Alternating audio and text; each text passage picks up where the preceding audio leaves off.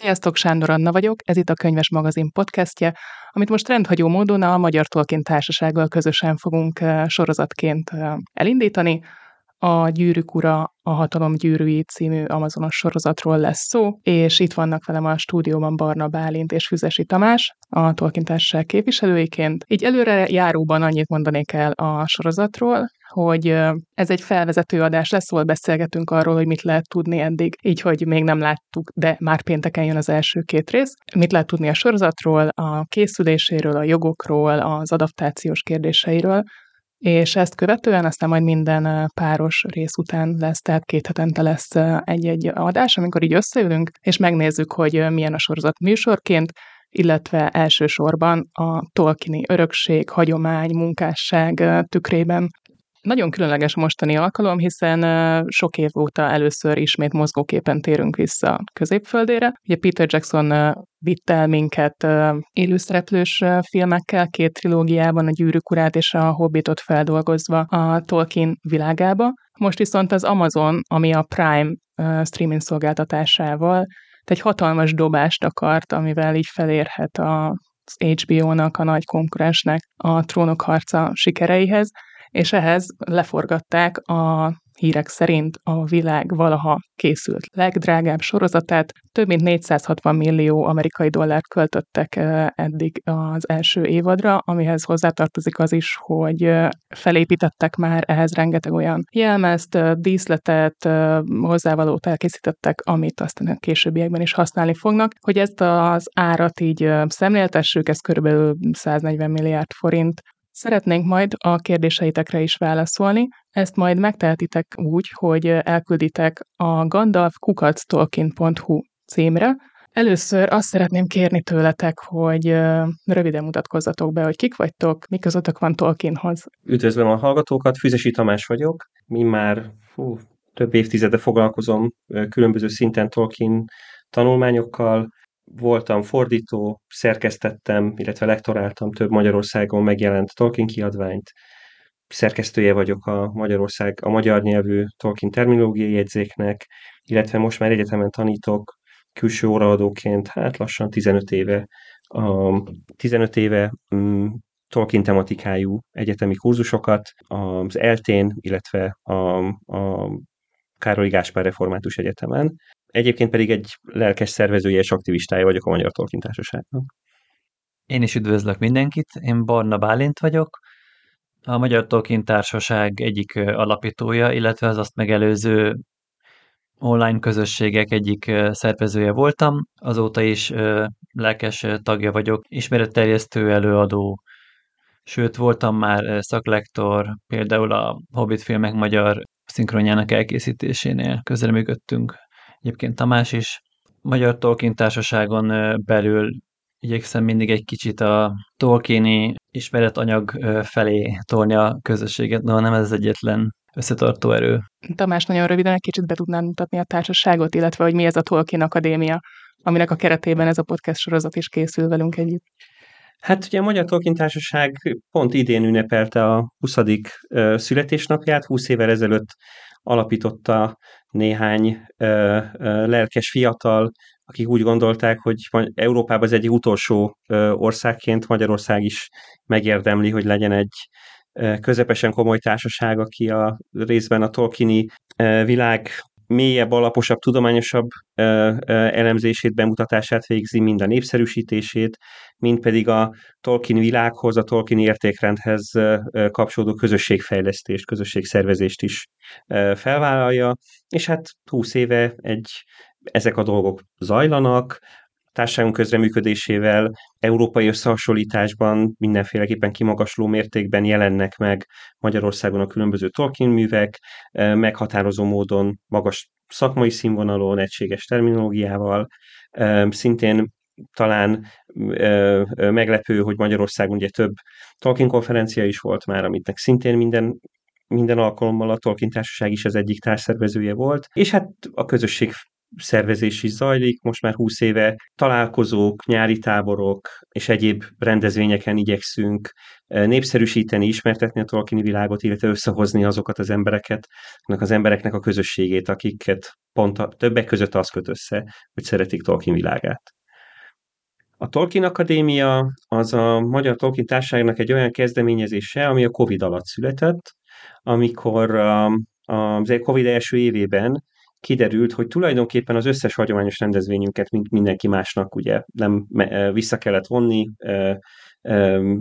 és elő, belátható időből nem is nagyon látszott, hogy ilyesmit lehetne csinálni, akkor a mi társaságunk is arra gondolkodott, hogy valamilyen online formában kellene ezt, ezt folytatni, és akkor jött az az ötlet, hogy a, ugye a, a Magyar Tolkien Társaság az én személyes részvételemmel már elég régóta a különböző egyetemeken, budapesti egyetemeken, a bölcsészkarokkal, azok pontosabban az angol vagy angol-amerikai intézetekkel, tanszékekkel együttműködve, ugye működtetünk egy Tolkien kurzust, ami egy elég mély háttérelemzését végzi a Tolkien életműnek, és akkor az volt az ötlet, hogy ebben az időszakban ennek a Tolkieni egyetemi kurzusnak egy ilyen könnyítettebb, lájtabb, ismeretterjesztősebb változatát azt vezessük elő egy ilyen online előadássorozat formájában, és így indult a Tolkien Akadémia másfél évvel ezelőtt, és aztán amikor újraindult az egyetem, és újra lehetett személyes órákat is tartani, akkor úgy döntöttünk, hogy ezt megtartjuk, és most egy ideje a Tolkien Akadémia úgy működik, hogy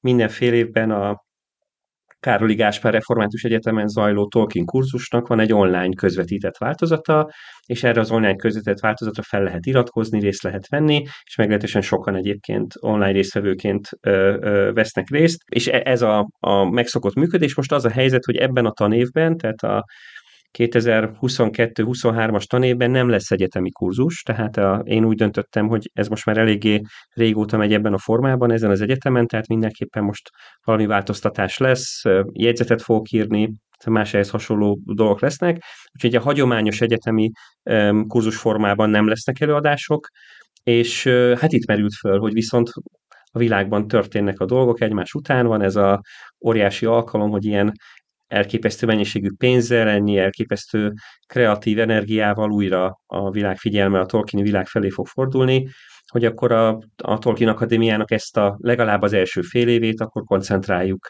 e, magára a sorozatra. Egész konkrét, amivel ugye a Tolkien Akadémia azért az egy elemzősebb, ismeretterősztesebb dolog, azoknak a problémáknak a hátterének a részletesebb elemzésére, amik felmerülnek a sorozat kapcsán. Akkor ehhez kapcsolódva mit szóltatok, amikor először meghallottátok, hogy jön ez a sorozat? Az biztos, hogy elég meglepő fordulat volt, ugyanis nem számítottunk rá, hogy egy hosszas pereskedésnek ez lesz a, a következménye végül is, ugyanis még a korábbi adaptációt készítő Warner New Line Cinema Midlers Enterprises nevű társaság készített olyan megkérdőjelezhető jellegű adaptációkat, mint online nyerőgépek a gyűrűk urára alapozva, és ezért a Tolkien Estate, ami az örökösöknek egy szervezete, beperelte őket, és ez a, ez a pereskedés több évig tartott, és 2017-ben zárult le. És akkor, amikor ez az egyesség megtörtént, ez a perenkívüli egyesség. Nem sokkal később történt az, hogy az írófia Christopher Tolkien lemondott a Tolkien Estate vezetéséről, és utána nem sokkal jelentették be a szerződő felek, hogy új szerződést kötöttek új Tolkien adaptációkra. Úgyhogy nagyon sűrű év volt, én személyesen úgy, értem meg, hogy szinte száguldanak velünk a hírek, és leesünk róla.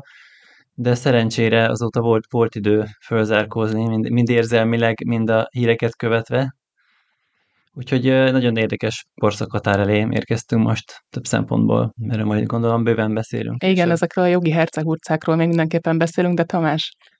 Én nem követtem ennyire nyomon ezeket az eseményeket. Bálint ezt mindig, mindig sokkal-sokkal napra készebb az adaptációk, különösen a mozgóképes adaptációknak a, a, a világában. Amikor én meghallottam, akkor ugye vegyes érzések jönnek ilyenkor, hogy egy ilyen pénzügyi, jól eresztett mamut a, ked, a számomra olyan nagy fontosságú mitológiai rendszerbe most így belepancsol, ez ugye rendkívül jó és rendkívül rossz eredményt is szülhet, szül, ö, ö, okozhat. Én akkor nyugodtam meg, aztán azóta többször voltam nyugtalan, de mindeset akkor egy ideig nyugodt voltam, amikor kiderült, vagy viszonylag korán ugye bejelentették, hogy a Tom Shippey lesz az egyik fő szakértő, a, aki a, a, ennek a, ugye a könyvekben nem olyan részletesen, vagy nem olyan nem hagyományos módon kifejtett e, történetszakasznak a, a, a adaptációs lehetőségeibe közreműködik, és hát Tom Shippey tekintélye az ő az egész Tolkien kutatásban betöltött szerepe alapján az volt a, nekem a gondolatom, hogy na, ha, ha ez tényleg olyan lesz, ez egy olyan adaptáció lesz, amire Tom Shippey azt mondja, hogy igen, ő adja a nevét és a szakértelmét, akkor, akkor nagyon-nagyon jó dolgok várhatnak ránk. Úgyhogy nekem ez volt a, emlékszem, hogy ez volt az alapvető élmény, amikor kiderült, hogy, hogy ki lesz a fő szakértő. Akkor beszéljünk egy kicsit ezekről a jogi háttérnek a kérdéseiről, mert ugye itt több körben eladott, sokféle módon eladott jogokról van szó, majd később elő is kerül, hogy így a, a sorozatnak a tartalmában is nem teljesen egyértelmű, hogy akkor most melyik könyvből mennyit vesznek át, hogyan vehetnek át, mit kell hozzá kitalálni, mert az a jog nincsen eladva konkrétan, amire éppen vissza akarnak utalni. De akkor mesélj nekünk erről, légy szíves, Bálint. Még Tolkien életébe megkeresték a professzort azzal, hogy adaptálnák mozgóképre a műveit, és Tolkien nagyon sokáig nem adta be a, a derekát, nem volt meggyőződve róla, hogy egyáltalán adaptálható a gyűrűk ura. Át, általában a gyűrűk ura miatt keresték meg, mert akkor ugye a többi műve még nem jelent meg, csak a halála után. És aztán 1969-ben döntött úgy, hogy eladja a jogokat a United Artists-nek, és csak a Hobbit és a gyűrűk ura adaptációs jogait adta el. Ugye az irodalmi jogok azok maradtak a könyvkiadónál, meg később az örökösöknél, tehát a, az irodalmi hagyatékot ez a szerződés nem érintette, viszont ez lett a későbbi összes adaptációnak az alapja, kezdve a rajzfilmektől egészen a mozgóképes filmig, illetve a kapcsolódó számítógépes játékok, társas kártyajátékok, szerepjátékok. Ez a sok jog 76-ban került Solzenz nevű producerhez, aki létrehozott egy külön divíziót a cégén belül, hogy kezelje ezeket a jogokat. Ez volt először a Tolkien Enterprises, de aztán jogi okokból később Middle-earth Enterprises-ra kellett módosítani. És hát ők voltak azok, akik aztán Peter Jacksonnal együttműködve a két trilógiát is tető alá hozták. Ugye erről a szerződésről azt kell még tudni, hogy az örökösöknek semmilyen beleszólásuk nincsen az adaptációba, viszont kapnak pénzt. Van egy jótékonysági szervezet, a Tolkien Trust, és nekik kell egy bizonyos százalékot a bevételekből átutalni. És az előbb említett pereskedés is abból fakad, hogy ebből az online nyerőgépes bizniszből nem érkezett semmi pénz, Úgyhogy rossz nyelvek szerint... Nem a nyerőgép, mint nem tudom, műfaja volt probléma, hanem hogy nincsen... Hivatalosan ugye azt mondta a Tolkien esztét, hogy a méltatlan dolog ez, de a rossz nyelvek szerint azért a pénznek is köze volt hozzá.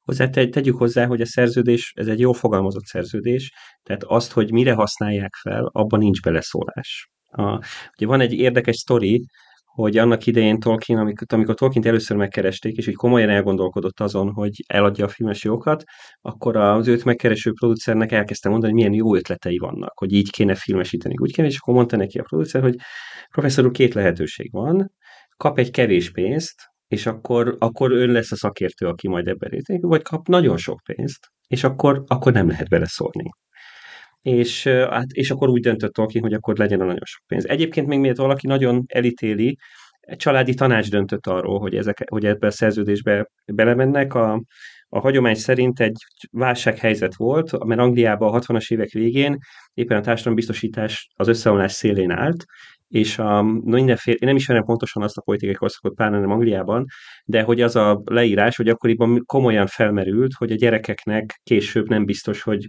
lesz társadalombiztosításuk, meg, meg a nyugdíja, a, bár akkor Tolkien már nyugdíjas volt, tehát tehát kell, azt mondták, hogy ez egy iszonyú jó befektetés lenne, ha lenne sok pénz, akkor a család, ezt a család javára fordítanák, és a családi tanács úgy döntött, hogy hát akkor sok pénz. És, és hát akkor Tolkien nagy sóhaja lemondott arról, hogy, hogy akkor beleszólást kapjon, és helyette egy nagyon szigorú szerződés lett a tekintetben, hogy viszont pénzt kapni kell, tehát hogy, az, hogy, hogy akkor legalább az a része legyen meg. Úgyhogy ennyi a dolognak a háttere, amennyire én tudom. Nem tudom megállni, maradunk a pénznél. A világ leggazdagabb embere illetve az ő cége vette meg most a sorozatnak az elkészítésnek a jogait, vagy hát nem a sorozatét, hanem ezeket a jogokat, amiből most a sorozat készül. Ő ugye az Amazon tulajdonosa, a Jeff Bezos, aki állítása szerint a fantasztikus marketinges húzásként hangsúlyozza újra meg újra, hogy ő mekkora Tolkien rajongó. És ez igazából teljesen mindegy, hogy igaz-e, mert amit viszont tudunk, hogy a sorozatnak a konkrétnak két alkotója, a kreátorai, ők viszont tényleg annak bizonyulnak. Mit tudunk róluk? Ez egy nagyon érdekes történet, hogy egyáltalán hogyan kerültek képbe, mert amikor az Amazon egy nyílt versenyeztetés során elhopolta a Warner, meg az HBO, meg a Netflix elől ezeket a sorozatigokat 17-ben, akkor még nem tudta, hogy mit akar pontosan kezdeni velük, mert ugye csak annyit lehetett tudni, hogy a Gyűrűk Ura és a Hobbit sorozat jogairól van szó, ami ugye nem érintheti azokat a jogokat, amiket már a Middle-earth Enterprises birtokol, mert azt nem lehetett még egyszer adni.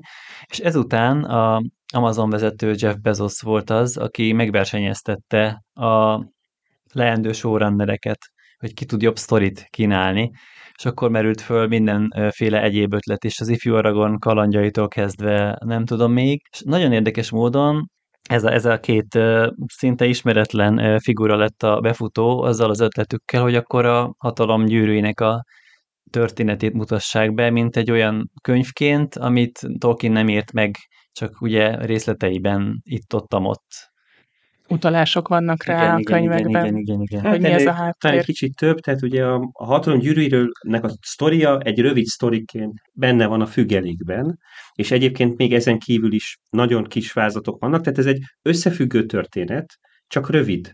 És alapvetően eredetileg nem önálló történetnek volt számva, hanem a gyűrűk ura háttértörténetének, az egyik olyan bevezető sztorinak, ami, amiből kibontakozik a gyűrűk urának a története.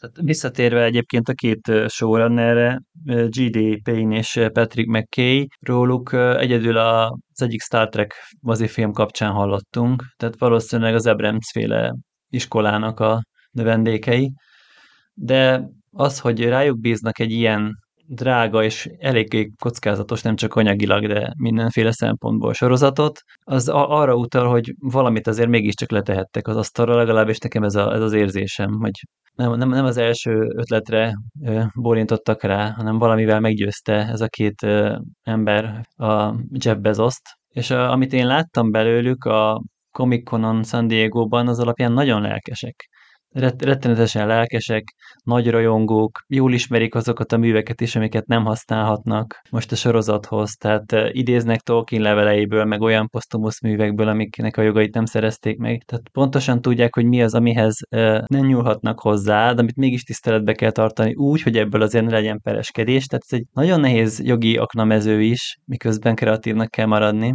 Úgyhogy meglátjuk, hogy ez, ez hogy sikerül nekik. Térjünk át arra, hogy mit tudunk tartalmilag a sorozatról. Tehát, hogy mi az, amiről viszont szólhat majd a sorozat, és már tudjuk, hogy szólni is fog. Hát a fő témája az a másodkornak a nagy sorsdöntő eseményei, amik megváltoztatták a világot. Ez több részre bomlik. Egyrészt ott van az a említett hatalomgyűrűinek az elkészítése, másrészt ott van ehhez, ezzel szorosan kapcsolódóan Sauron visszatérése és felemelkedése, hatalomra jutása Mordorban, és harmadik nagy történet folyamnak ott van Númenor bukása, amiről szerintem majd még sokat fogunk beszélni a sorozat kapcsán. Ott egyébként több kisebb történetszára fogják bontani, valószínűleg nem három lesz, hanem több, és egyelőre még, még Sauron szállát rejtegetik, hogy melyiknél bukkan elő. Ugye több ezer évvel a gyűrűk ura eseményei elé utazunk, tehát itt a Sauron visszatérése az még egy korábbi visszatérés, mint amit a gyűrűk urában láthattunk, és nagyon röviden elmesélitek, hogy mik ezek a hatalom gyűrűk? Ez egy komplex, komplex előadása a, a, a, tud lenni a, a Tolkien Akadémia valamelyik ö, epizódjaként. Nagyon röviden összefoglalva, a tündék a Tolkieni mitológiában a tündéknek van némi mágikus hatalmuk. nem túl erős, de, de létezik. Olyan hatalom, inkább a művészethez, meg a kézművességhez kötődik, tehát valami itt mond Tolkien, hogy amikor egy igazán tehetséges tünde valami kreatív művészeti alkotást hoz létre, akkor az időről időre átlépheti a természet felettinek a határát. Tehát, hogy így észrevétlenül valami már, valahogy már, meg, már többet tud, mint, ami, mint, ami az ember, mint amit egy ember tudna tenni, mert a Tolkien világban az embereknek viszont nincs mágikus hatalmuk, és a tündék egy, ebben a korban egy ideje már azon munkálkodnak, hogy megpróbáljanak szembeszállni a világ alapvető sorsával. A világnak ugyanis az a sorsa a Tolkien mitológiában, hogy a, a, a gonosz hatalom, ami eredetileg Morgoth, aztán később ugye Sauron viszi tovább, az el akarja téríteni a világot a teremtésben neki rendelt sorstól, és az első próbálkozásként a tündéknek kell ezzel szembeszállni, de a tündék elbuknak az első korban, és ezért a tündéket visszarendelik a Valinorba, át kellene adniuk a helyüket az embereknek. Viszont a tündék egy jelentős része vonakodik ez a nyugati birodalom, ahova a tündék igen, folyamatosan igen, elmennek. Igen, ugye a, a, a középfölde igazából bizonyos szempontból a fő területe a világunknak, ahol a, a fő eseményeknek kell zajlani, és mivel az a mondás, hogy a tündék leszerepeltek, leegyszerűsítve, a tündéknek vissza kéne vonulniuk a világnak egy rejtettebb részébe, ahol egyébként a halhatatlanok laknak, de nem az a legfontosabb rész, a középfölde a fontos rész, és ezért a tündék egy része nem akar elmenni innen, hanem itt akar maradni. Viszont van egy jelentékeny szintén erős mágikus hatalom, ami visszavonzza a tündéket a, a nyugatra, ami úgy működik technikailag, hogy a tündék számára a világ elszürkül, kevésbé lesz szép, szép színes, érdekes, és valami vonzza őket, hogy visszamenjek. De ők mégis itt akarnak maradni, és ezért elkezdenek olyan dolgokat csinálni, készíteni, ami valami mágiával szembeszáll ezzel a hívással, és időn kívül helyezi őket, és valamilyen módon egy ilyen védőburokként engedi, hogy itt a halandó világban maradjanak. Ez az egyik szál. A másik oldalon Sauron, aki megmenekül a főnökének, Morgosznak a néhány, szá, néhány száz évvel korábbi bukásából, és elmenekül és elrejtőzik. Ő, ő, ő meg hát akkor eddigre már össze felbátorodik arra, hogy előbújik, és ő neki meg az a célja, hogy valamilyen módon visszahozza Morgosznak a hatalmát, valahogy, ha Morgosz magát nem is tudja visszahozni, ő maga mondjuk közelítse meg hatalomban, erőben ezt a dolgot, és ezért ő hozza magával mindazt, amit Morgosztól tanul. És, és közben elrejti a valódi személyiségét, ez nem akarok nagyon spoilerezni, de sajnos ezt itt nem nagyon tudjuk elkerülni, tehát Sauron bármilyen alakot tud tölteni, és ebben a korban mindenki számára tetszetős alakot ölt, egy kedves, jóságos, mindenkinek segítő majának az alakját ölti fel, aki nagyon sokat tud, és szívesen megosztja a tudását. És itt összetalálkozik a két szál, a tündéknek valami hatalmas eszköz kell, amivel meg tudják őrizni a, a jelenlétüket, Sauronnak meg egyrészt, hogy mondjam, ilyen közreműködő technikusok kellenek, akik segítenek neki, másrészt egy, egy csomó tudást tanul a tündéktől, ezért cserébe ő is átad egy dolgot. És a két résznek a saját hatalma, tapasztalata, képességét összeadják, és úgynevezett hatalomgyűrűket készítenek. 16 hatalomgyűrűt eredetileg azt ilyen új gyakorlatnak szánták, ahol csiszolgatják a technikájukat, amiben Sauron hozza, hogy hogyan lehet a mágiát összesűríteni egy tárgyba, a tündék meg hozzák ezeket a, hogy lehet megőrizni, felerősíteni, ilyen dolgokat, és ebből jön, ebből tize, készítenek 16 gyűrűt.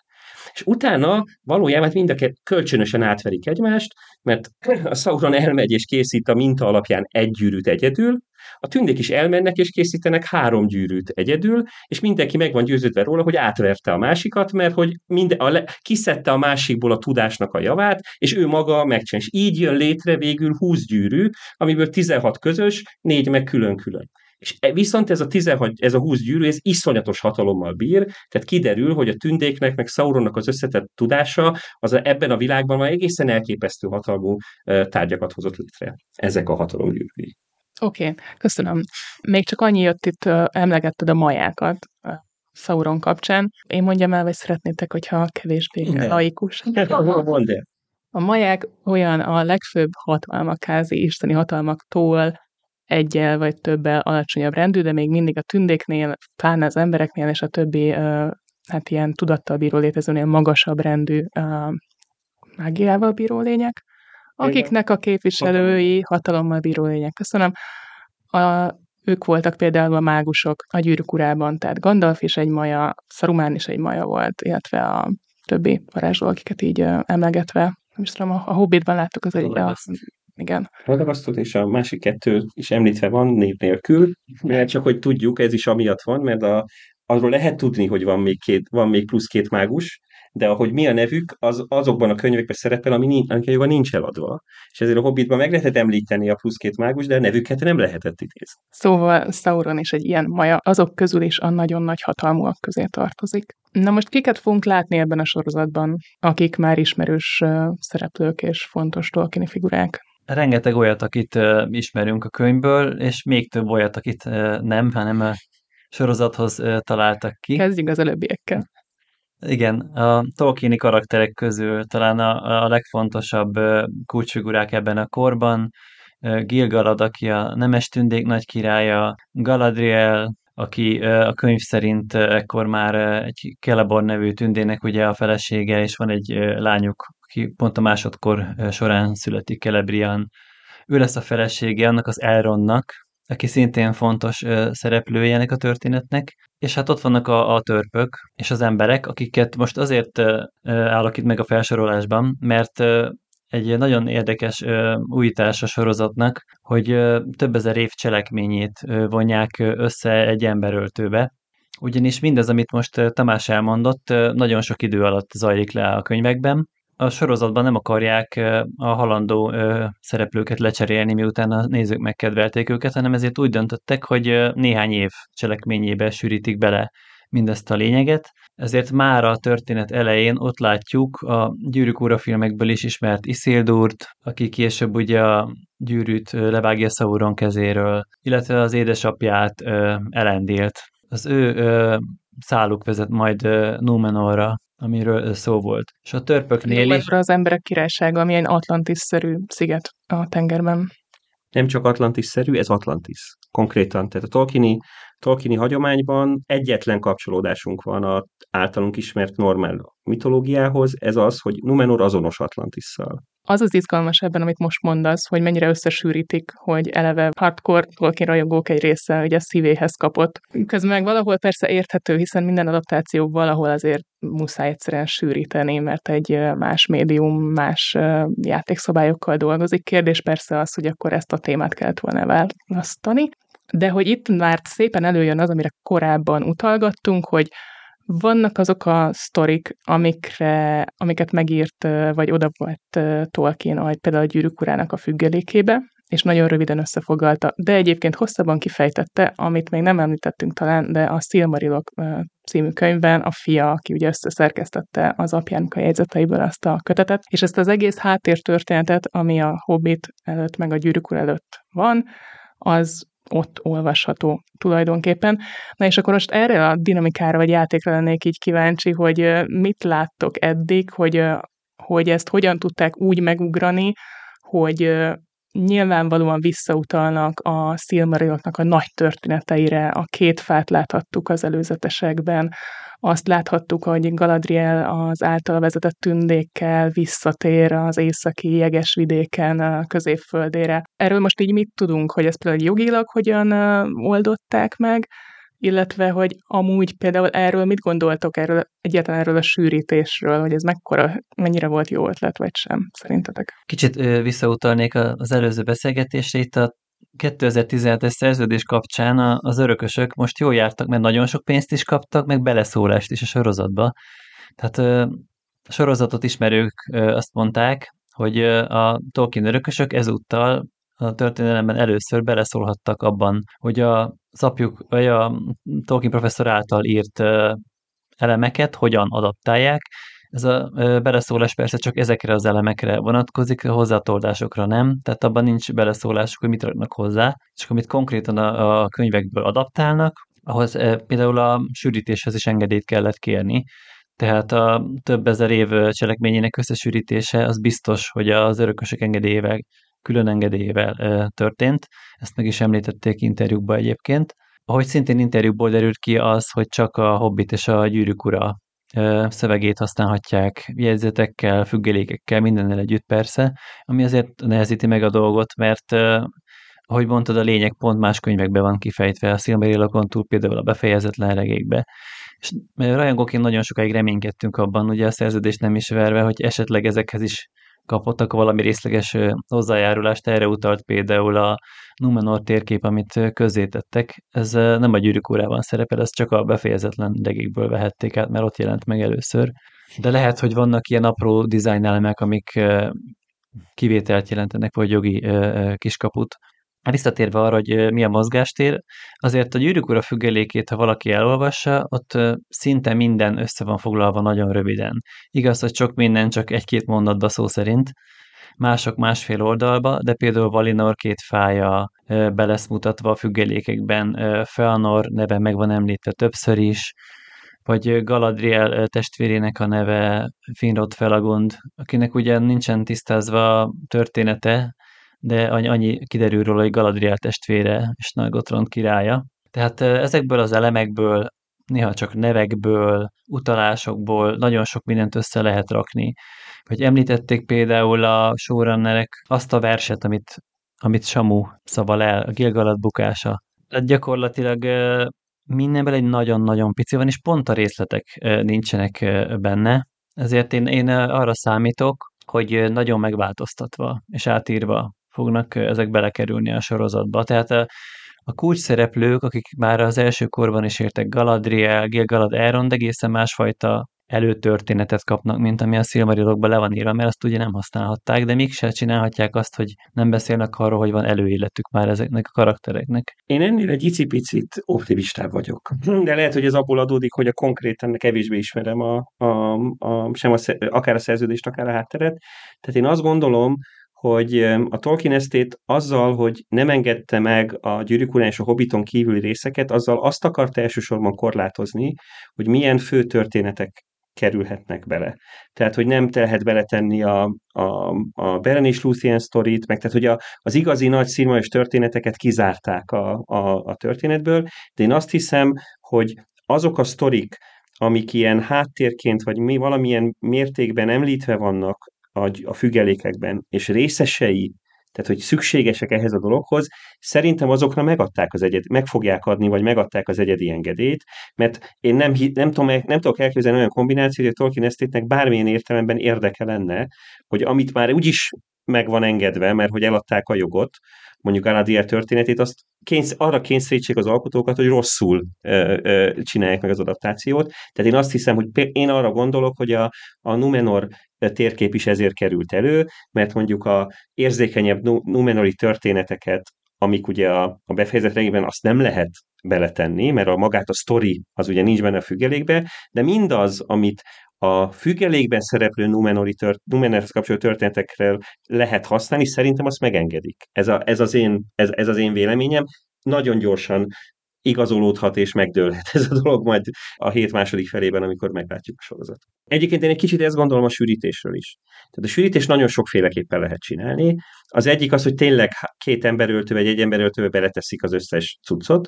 A másik az az, hogy kiveszik a, ennek a történetnek azért, tehát a hatalom gyűrűjének konkrét szikár története, az valójában mondjuk kétszer száz év. Egyszer, amikor megalkotják, egyszer pedig, amikor ennek szerepe lesz a, a Numenor bukásánál.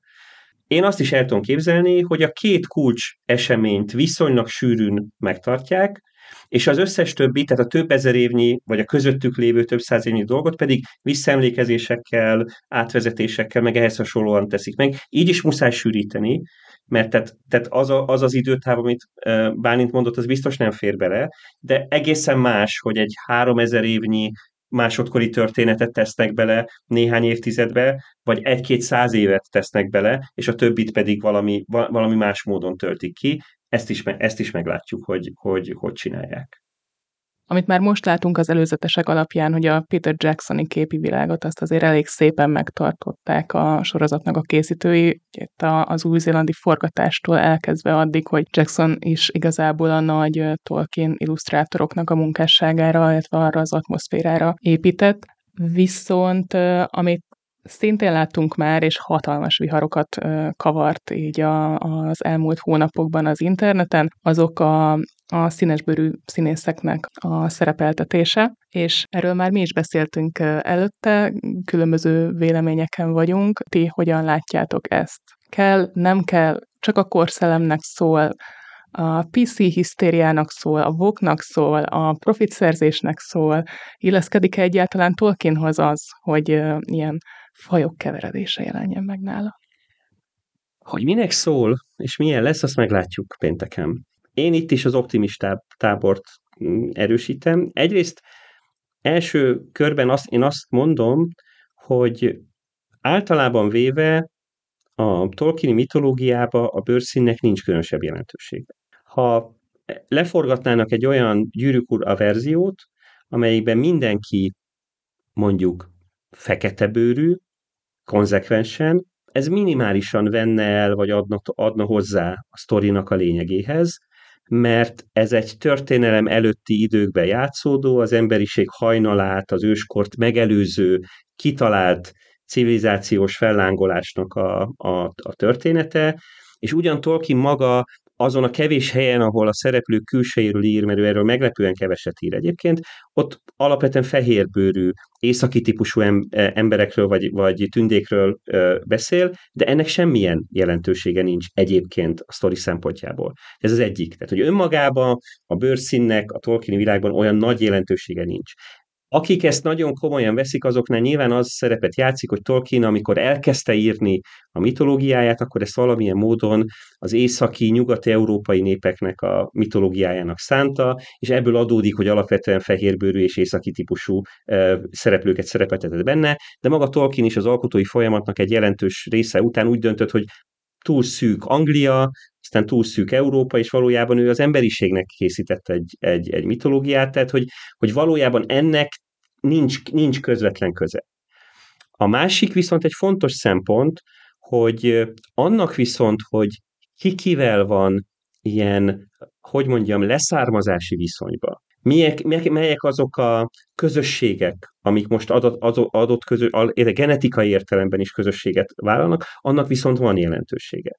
Tehát lehet oly, lehet oly módon a különböző embertípusokat vagy az embertípusokat kivetítve, ugye nem emberi fajokra, mint a tündékre vagy a, a törpökre megjeleníteni, de ha ez azt mondja például, hogy mondjuk a, tehát a tündéknek a különböző külső megjelenésű típusait, amik mondjuk hasonlítanak arra, hogy az embereknél is vannak ilyen embertípusok.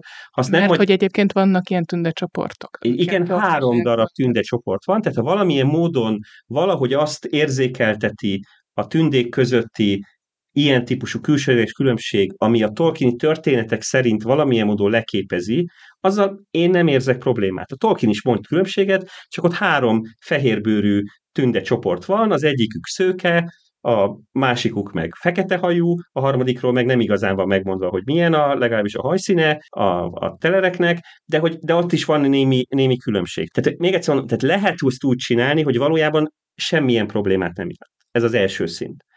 A második szerintem. A második szint viszont az, hogy amennyiben nem veszik ezt ennyire komolyan, hanem valóban, hogy mondjam, a divat és a korszellem, és azt mondjuk, hogy az a fontos, hogy legyenek színesbőrű karakterek, mert a színesbőrű fiatalok akkor majd így találkoznak a hősökkel, és így tovább, és így tovább, ugye, amit mondunk. Ezt valamilyen szinten el tudom fogadni, de ez már lehet rossz. Tehát, hogy, tehát, hogyha csak azért hozunk be karaktereket, külső, hangsúlyozott külső jegyekkel, hogy, hogy valamiféle a mai kor szellemnek megfeleljünk, miközben nem építjük hozzá a narratívát, nem illesztjük hozzá a Tolkien világhoz, hanem csak úgy betettünk egy, egy ilyen karaktert, az már nagyon bántó tud lenni. Hozzáteszem, és akkor ezzel zárnám ezt a gondolatot, hogy még ezt is lehet.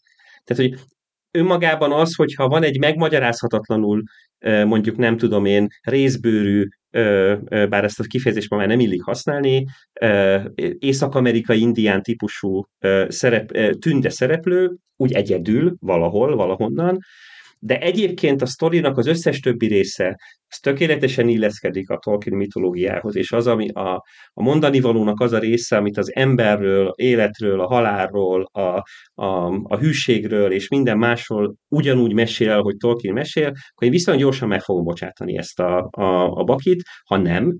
Tehát ha azt fogjuk látni, hogy ez egy ilyen üres vagy kiüresített dolog lesz, mert néhány ilyen látványos elemmel divatból valamit csinálunk, de közben nem hozzuk el a lényeget, az, visz, az a, a, akkor már igazán fájdalmas lesz. Én ezt, én ezt gondolom, egy, így előzetesen erről a dolog. Engem azt szomorít el ebben a vitában leginkább, hogy nagyon összemosódnak olyan érvek, amik szerintem különböző síkra valók, mert ezt három síkon tudnám vizsgálni. Egyrészt megnézhetnénk azt, hogy a korszellem és az adaptációk viszonya mit eredményez, és akkor itt lehet pro és kontra érveket hozni. Második sikként meg lehet nézni azt, hogy annak idején, amikor Tolkien írta a történeteit, ezek pontosan mit jelentettek, ezek a társadalomban hogyan jelentek meg, mennyire voltak fontosak, és hogy hogyan gondolkodunk erről ma. Harmadik részt meg lehet azt nézni, hogy Tolkien műveiben konkrétan mit ír a másféleségről, a kultúrák találkozásáról, a kultúrák közötti különbségekről, és szerintem ez a harmadik sík az, ami például engem Tolkien szakértőként sokkal jobban megmozgatna. Erről mesélj egy kicsit, légy szíves. Sokan vetették Tolkien szemére azt, hogy különbséget tett a kultúrák között, de ha kicsit jobban beleássuk magunkat a kozmológiába és a mitológiába, akkor látjuk, hogy ez gyakorlatilag egy teológiai rangsor, tehát egyes népek azért rendelkeznek magasabb kultúrával, mert találkoztak azokkal az angyali lényekkel, a valákkal, akik az isteni akaratot, Iluvatart képviselik a halhatatlan földön. És ahogy a történet bonyolódik, azt látjuk, hogy valahányszor közelebb kerül egy kultúra ehhez a isteni valósághoz, hogy kicsit elvontabban fogalmazzak, úgy lesz egyre gazdagabb, úgy termékenyül meg, és bontakozik ki bennük az a kreativitás, az a rejtett tehetség, ami középföldén maga magától nem jött volna elő. És amikor egy ilyen értelemben véve magasabb rendű kultúra találkozik egy alacsonyabb rendű kultúrával, az a legtöbb esetben pozitívként jelenik meg a Tolkieni mitológiában és történelemben is. Pozitívként, mint tanítás, vagy tudásátadás? Igen, igen, igen.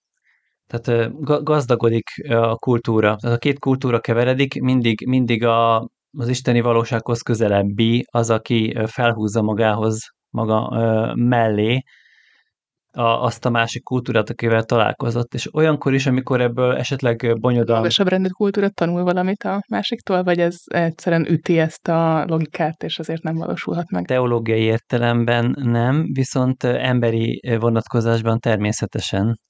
Pont erre példa a gondori rokonviszály, amikor a királyi vér, Gondorban ugye a Numenoriak leszármazottai uralkodtak sokáig tisztavérűen, keveredett azokkal az északlakók vérével, akik ugye a később a rohaniak ősei lesznek, és hogy ebből egy polgárháborús állapot alakult ki Gondorban, és nagyon érdekes, hogy Tolkien azt hozza ki ebből a történetből, hogy az úgymond tiszta vérűségével dicsekvők azt, amire a negatív figura, és ő az, aki végül is a homály eszközévé válik akaratlanul is, és gyakorlatilag a, a, a úgymond kevert vérű király az, aki, aki gyakorlatilag megalapozza azt a pozitív kapcsolatot, ami később ugye a rohírok meg gondor között kialakulhat. Tehát kicsit előre mutat a történelemben az, hogyha két kultúra tisztelettel, nyitottsággal, kíváncsisággal fordul egymáshoz, és ez Tolkien műveiben benne van. Úgyhogy szerintem ez kicsit túlmutat azon a korszellemen, ami Tolkien idején volt. Tehát bizonyos értelemben Tolkien egy nagyon konzervatív, maradi, sok szempontból talán a saját korának szelleméhez képest is konzervatívabb valaki volt, Viszont ilyen tekintetben szerintem sokkal előremutatóbb volt a koránál a művei alapján. Én a, a radikálisabb állásponton vagyok engem. A, nagyon felbosszantott ez a vita, kicsit annak a bizonyítékát látom benne, hogy de igenis szükség van arra, hogy mindenféle embereket belerakjunk a mindenféle műsorokba, hiszen még mindig nem kezeljük ezt ilyen általánosként, hogy így bárki bárki lehet, és így a, a helyén van. Jó, ez egy messzire vezető kérdés. Tehát ez még a mai, most biztos vagyok benne, hogy ezzel messze túlfeszítem a műsor kereteit, de itt egymással borzalmasan ellentétes dolgok vannak. Az egyik oldalon ugyanez a, ugyanez a egyébként általam is minden szempontból támogatott haladó álláspont azt mondja, hogy legyenek mindenféle szereplők, és a fekete karaktereket, azokat fekete színészek játszák, és a, a, a benszülött karaktereket benszülött színészek játszák, de akkor így óvatosan felteszem a kérdést, hogy a fehérnek megírt karaktereket miért ne fehérek játszák úgy egyébként? Tehát, hogy ez, a, a, ez is benne van a, a, a dologba. Azzal egy, tehát, hogy én csak, ezzel csak arra akarok mondani, hogy minden dolog, amire azt mondjuk, hogy már pedig ez így van, és csak így lehet, az, az alapvetően a művészeti szabad, művészi szabadságot befolyásolja.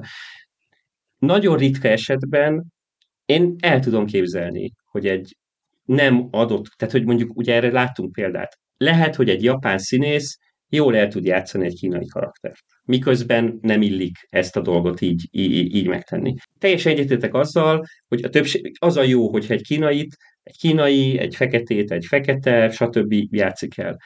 Ezzel együtt Nyilván, mivel a fehér szereplők voltak az utóbbi, nem tudom én, filmtörténet 90%-ában dominánsak a, a, a filmekben, elfogadható, hogy itt most nem mikro részecske méretre van kimérve ez a dolog, de azért azt is fogadjuk el, hogyha egy sztorinak, hogyha egy sztorinak alapvetően valamilyen, a sztoriban van jelentősége annak, hogy milyen embertípus, vagy ugye de egyben nem csak emberekről van szó a dolog, akkor fogadjuk el, hogy annak, hogy annak is van szerepe. Azzal együtt, hogy rengeteg más szempont ezt felülbírálhatja. Azzal teljesen egyetértek, és ezt akartam is mondani, amit az előbb mondtál, tehát hogy, hogy legyen egy belső logikája ennek, és akkor mikor névcsoportokra így ezt így jól le lehet így tehát itt a, a, a történet mesélésnek a belső logikájához ez nekem például ez a megoldás tökre illeszkedne, ahhoz viszont az, hogy most a 21. századnak így a második évtizedében csinálnak egy sorozatot, a, úgy a korszellemet, és azt, hogy akkor újra is gondoljuk. Tehát nekem az adaptáció gondolatában mindig fontos az is, hogy tudunk-e valami újat, valami értékeset gondolni arról, amit, uh, amit feldolgozunk, vagy csak uh, lehúzunk róla egy újabb bört egy másik médiumon. És nekem például ez az, főleg, hogyha olyan vetületét nézzük, amit ugye ti is megfogalmaztatok, hogy uh, azt hiszem, hogy te Tamás, hogy, hogy Tolkien egy idő után az egész emberiségről akart beszélni, és a, erről a fajta magasabb, nem tudom, létezési állapotról, ahova fel tud emelni a, nem tudom, a művészet, a kreativitás, a jónak a győzedelmessége, az a fajta morális jóság, és ebben az a fajta inkluzivitás, hogy hogy ne csak fehér bőrű színészek szerepeljenek, vagy emeljük meg a női szereplőknek a számát, mert ugye ez a másik, ami történik, ez nekem, ez tökre a már említett Tolkieni értékrende, ez egy passzoló gondolat. Szerintem Tehát szerintem a legjobb analógia az valóban a női szereplőknek a, a, a kérdése. Annak idején, amikor hát ehhez hasonló, bár talán nem ekkora intenzitású vita volt, amikor előre lehetett látni, hogy ugye lesz női fontos női tünde szereplő a Hobbitban, majd amikor az is ugye kezdett kibontakozni, hogy itt van románc lesz a tünde szereplő és a, a tör között, én az egyetemi előadásomon is nagyon sok kérdést kaptam ezzel kapcsolatban, hogy akkor ezzel mi. És én akkor is elmondtam, önmagában ezzel az ég egyet a világon semmi probléma nincs. Ez teljesen beleillik a Tolkien mitológiába, ezek között a fajok között tudjuk, hogy akár szerelmi típusú érdeklődés is ébred, a, a női karaktereket Tolkien nem azért szorított a háttérbe, mert bármilyen értelemben úgy gondolta volna, hogy nem lehetnek ilyenek, mert igenis vannak, csak egy olyan kulturális hagyományhoz kötődött, egy a középkori vagy a, a kora középkori európai mitológiai hagyomány nyomdokai épít, amelyikben hagyományosan kevés a női szereplő, ahhoz képest Tolkien egyébként Tolkien maga is sokkal több női szereplőt használtatébe, ellentétben mondjuk a görög, a római vagy a germán mitológiával a Tolkieni női szereplők között sokkal erőteljesebb női karakterek vannak, tehát hogy, tehát, hogy én ezzel semmilyen problémát nem látok. Úgy, és teljesen egyetértek veled, azt is mondtam, önmagában az a tény, hogy betesszünk színesbőrű karaktereket a, a, ezekbe, ezzel nincs gond. Mert a, a, a fehérbőrűség vagy, a, vagy ez a dolog, ez nem lényeges a, a Tolkien mitológia fő mondani valója szempontjából. Úgyhogy ha konzisztensen, érvényesen a történetmesélést támogatóan, vagy akár csak tegyük, akár csak nem zavaróan történik ez a, a dolog, akkor, ak- akkor ez valóban erősít egy, egy kimondottan Tolkieni gondolatot. Ez, ez jó, amit mondtál, az inkluzivitás, az, az, az benne van a Tolkieni dolgban, mindig is benne volt. Tehát, hogy ez egy nagyon erős uh, uh, Tolkieni mondani való. De el is lehet rontani. Tehát ezzel együtt. Na és még, hogy mit lehet még elrontani? Um, azon gondolkodtam. Igen, ez akármelyik, nem is tudom, ilyen komment folyamat megnyitjuk, rengeteg példát találhatunk, de most ilyen, hogyha kicsit ilyen metább szinten gondolkodunk a sorozat készítésről, vagy egyáltalán a, a fantasy műfajnak a, a, a sorsáról, ami mozgóképpen azért a, a Jacksonnak a filmjei egy óriási nagy lökést adtak annak, hogy ugye a CGI is akkor lépett egy olyan szintre, hogy amit például a Golem figurával csináltak, az nagyon újszerű volt, tényleg új dolgokat fejlesztettek hozzá, mondható, hogy a, a mozgóképes fentezinek egy, egy megújulását jelentette az első trilógia, és hogy ti mit vártok, hogy eznek ilyen szempontból lehet-e hasonló horderejű jelentősége, vagy mert én egy picit attól tartok, hogy nagyon sok pénzből, de elkészült az újabb tucat fantasy, ami inkább ilyen, majd ilyen marketing oldalról lesz izgalmas, hogy fel tudja-e húzni az Amazont arra a fizetői szintre, vagy sem. De, de művészetileg én egy kicsit szkeptikus vagyok ezen a ponton. Nyilván a legnagyobb veszély, ami fenyegeti a sorozatot, az az, hogy középszerű lesz. Mert ha nagyon-nagyon-nagyon rossz, akkor azért fognak beszélni róla, ha nagyon-nagyon jó, akkor azért fognak beszélni róla, de annyira semmilyen lesz, hogy nem érdemes róla beszélni, akkor bajok vannak. És én abban reménykedem, hogy azért lesz miről beszélni, mert ha nem is minden olyan Tolkieni témát, ami számunkra rajongók számára fontos, beemelnek, de legalább a legfontosabbakat, amikkel a másodkor hatalomgyűrűi Numenor bukása kapcsolódik, az megjelenik. Tehát ilyen például a, az elmúlás elleni küzdelem, hogy miért és hogyan küzdenek halandók az elmúlás ellen, a halhatatlanok az elmúlás ellen. Ez hogyan kapcsolódik össze a hatalmi kérdésekkel, illetve hát nyilván a, az összefogás és szövetség kérdés, ami felé az egész majd ki fog menni, ugye az utolsó szövetség csatájába valószínűleg az ötödik évad végén, ha eljut odáig a sorozat. Ez, ez is egy, ez egy központi eleme lesz. Én úgy is tudom, hogy ez fontos is a készítők számára. Látunk jó és látunk rossz példát. Teljesen igazad van abban, hogy egy adaptáció akkor, akkor jó, ha egyszerre hűséges egyszer, és egyszerre tud elszakadni. Ha a megfelelő pontok, ha érzékeli, hogy az eredeti műnek mik a, az igazán lényeges mozzanatai, mik azok a tartalmi elemei, mik a mondani valónak, a, a, a, a, a valódi mm, sugározni kívánt értékeknek a, a, a szintje, és ezt megőrzi, és mindazokhoz a dolgokhoz, ami az adott médiumnak a, az eszközkészletében máshogy működik, azokba pedig eltér. Én a, sajnos a Hobbit sorozat ebből a szempontból inkább negatív példákat az Ott is próbálkoztak ezzel, de ott ezek inkább nem jól sültek el. De a Gyűrűk Ura trilógiában ezek zseniálisan működtek.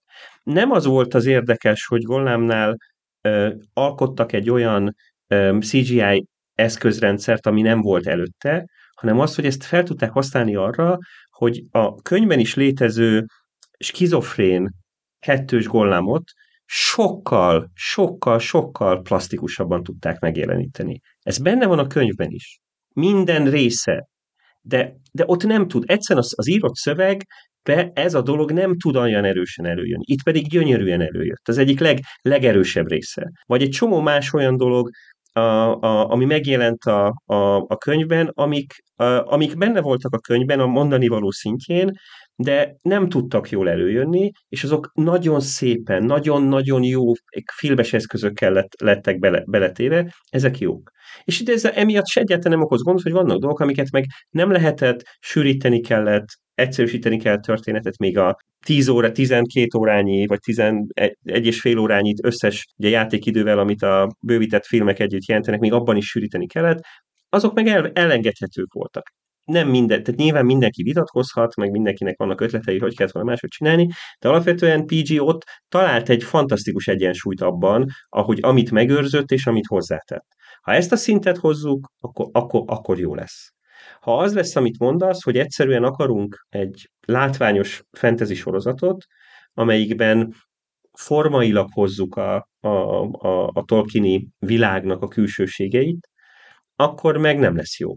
Mert hogy a, a, az a baj, hogy ami egy kicsit egyébként a Hobbitban is látszott, hogy Tolkien sokkal kevésbé dolgozta ki ezeket a történeteket, mint a gyűrűk urát. Tehát itt sokkal több rést kell betömködni, és hogyha ezeknek a réseknek, a betömködéseknél nem lesz ott a sorvezetőként a Tolkieni világnak ez a, ez a morális háttere, ezek a problémák pont, amiket te is mondtál, ugye a legfőbb kérdés tényleg a halandósággal való szembenézés, a halálnak a, a, az elmúlásra való küzdelem, a, ugye mind ez, ez van ennek az egész sztorinak a középpontjában, hanem helyette valami általános ilyen hatalmi kérdések lesznek, akkor, akkor meg nem lesz jó, és az, és az, az rossz. És itt ezért beszéltünk ugye a beszélgetés előtt, akkor itt megemlíteném, hogy tetejében a Tolkieni világnak az adaptációja az egy eleve egy kérdéses dolog, mert meddig lehet adaptációnak nevezni egy ilyen, e, e, egy ilyen kérdést, és azért, mert mondjuk egy, egy trónokharca adaptáció esetén van egy könyvünk. Vagy pontosabban egyszer majd lesz hét, most egyelőre van öt, de van, de, de, de, de van egy irodalmi szövegünk, amit adaptálunk, vagy mondjuk nem tudom én, a, a közszívű ember fiainak az adaptációjánál is van egy írott szövegünk, ezt irodalmi tudjuk, azt a szerző megírta, elengedte, a befogadó értelmezi, és tulajdonképpen az adaptációt készítő csak egy befogadó, aki aztán ebből új művet hoz létre, ami aztán megint önálló életet él, és az majd a befogadón keresztül van. Csak az a probléma, hogy Tolkiennál nincs ilyen, mert nála nincs mű. Pontosabban vannak művek, és ugye most a jogi kérdések azok pont a, műve, a művé formált gondolatok körül vannak, de valójában az igazi Tolkieni életmű az nem irodalmi értelembe vett regényekből áll, hanem egy 8-9 ezer, vagy akár más máshoz számolva akár 15 ezer oldalnyi kézirat tömegről, amelyik egy, egy ember agyába megfogalmazott egészen elképesztő világnak a különböző részleteinek egy ilyen levon, lenyomatai, aminek egy része arra volt számva, hogy majd még sok átdolgozás után ki lesz adva, egy része soha nem volt kiadásra számva, egy része olyan háttéranyagnak volt számva, amit elsőben magának írt, hogy könnyebben meg tudja írni a háttereket, de ez elválaszthatatlanul összeadódik, és van egy irodalmi értelemben véve nem szövegtípusú dolgunk, és valójában, hogyha a Tolkien-t adaptálni szeretnénk bármilyen médiumon, akkor ezt kéne adaptálnunk. És Na de várjál, tehát, hogy vannak lezárt, kiadott szövegek, Igen. amiket ő lezárt és kiadott. Ez nagyon tehát kevés. Gyűrűk ura, a Hobbit. Igen, de a Gyűrűk és a Hobbit az a teljes életműnek a 20%-a. És most nem csak szövegmennyiségben, hanem a story szálak tekintetében. A karakterek számát tekintve valószínűleg még a 20%-ot sem éri el. Tehát, hogy egyszerűen arról van szó, hogy itt van egy egészen elképesztően burjánzó világ, aminek néhány része különböző technikai okokból Tolkien életébe kiadott művé formálódik, egy részéből akarta, hogy kiadott mű legyen, de nem fejezte be, egy részéről meg nem akarta, de hozzátartozik a sztorihoz. És valójában, amikor nem tud, én mindig is azt a mindig is azt az elemzői álláspontot képviseltem, mint Tolkien kutató, hogy amikor Tolkient vizsgáljuk, akkor mindig ezt a bizonyos nehezen behatárolható mítoszrendszert kell vizsgálnunk, és nem az, nem az irodalmi értelmevet műveket. És amikor adaptációt nézünk, akkor sem nem külseben érdekel, hogy a gyűrűk ura függelékének az bizonyos részei hogyan adaptálódnak, az érdekel, hogy, a, hogy ez a Tolkieni mitológia, mint összetett rendszer, mennyire és milyen módon tud tükröződni ebben az adaptációban. Úgyhogy én ezt várom egyébként nagyon. És mindjárt már csak néhány nap Igen. Hétfőn veszük fel az adást, és pénteken már meg tudjuk majd nézni az első két részt és ez azt is jelenti, hogy a jövő héten valamelyik nap ismét le fogunk ülni, meg fogjuk beszélni, hogy mit láttunk, mit láttatok és mit gondoltok róla, és akkor újra veletek is találkozunk az éterben, kedves hallgatók. Köszönjük szépen, hogy velünk voltatok, és köszönöm nektek, Tamás és Bálint, hogy eljöttetek és beszélgettünk. Mi köszönjük. Köszönjük. Csillag a betalálkozásunk óráját.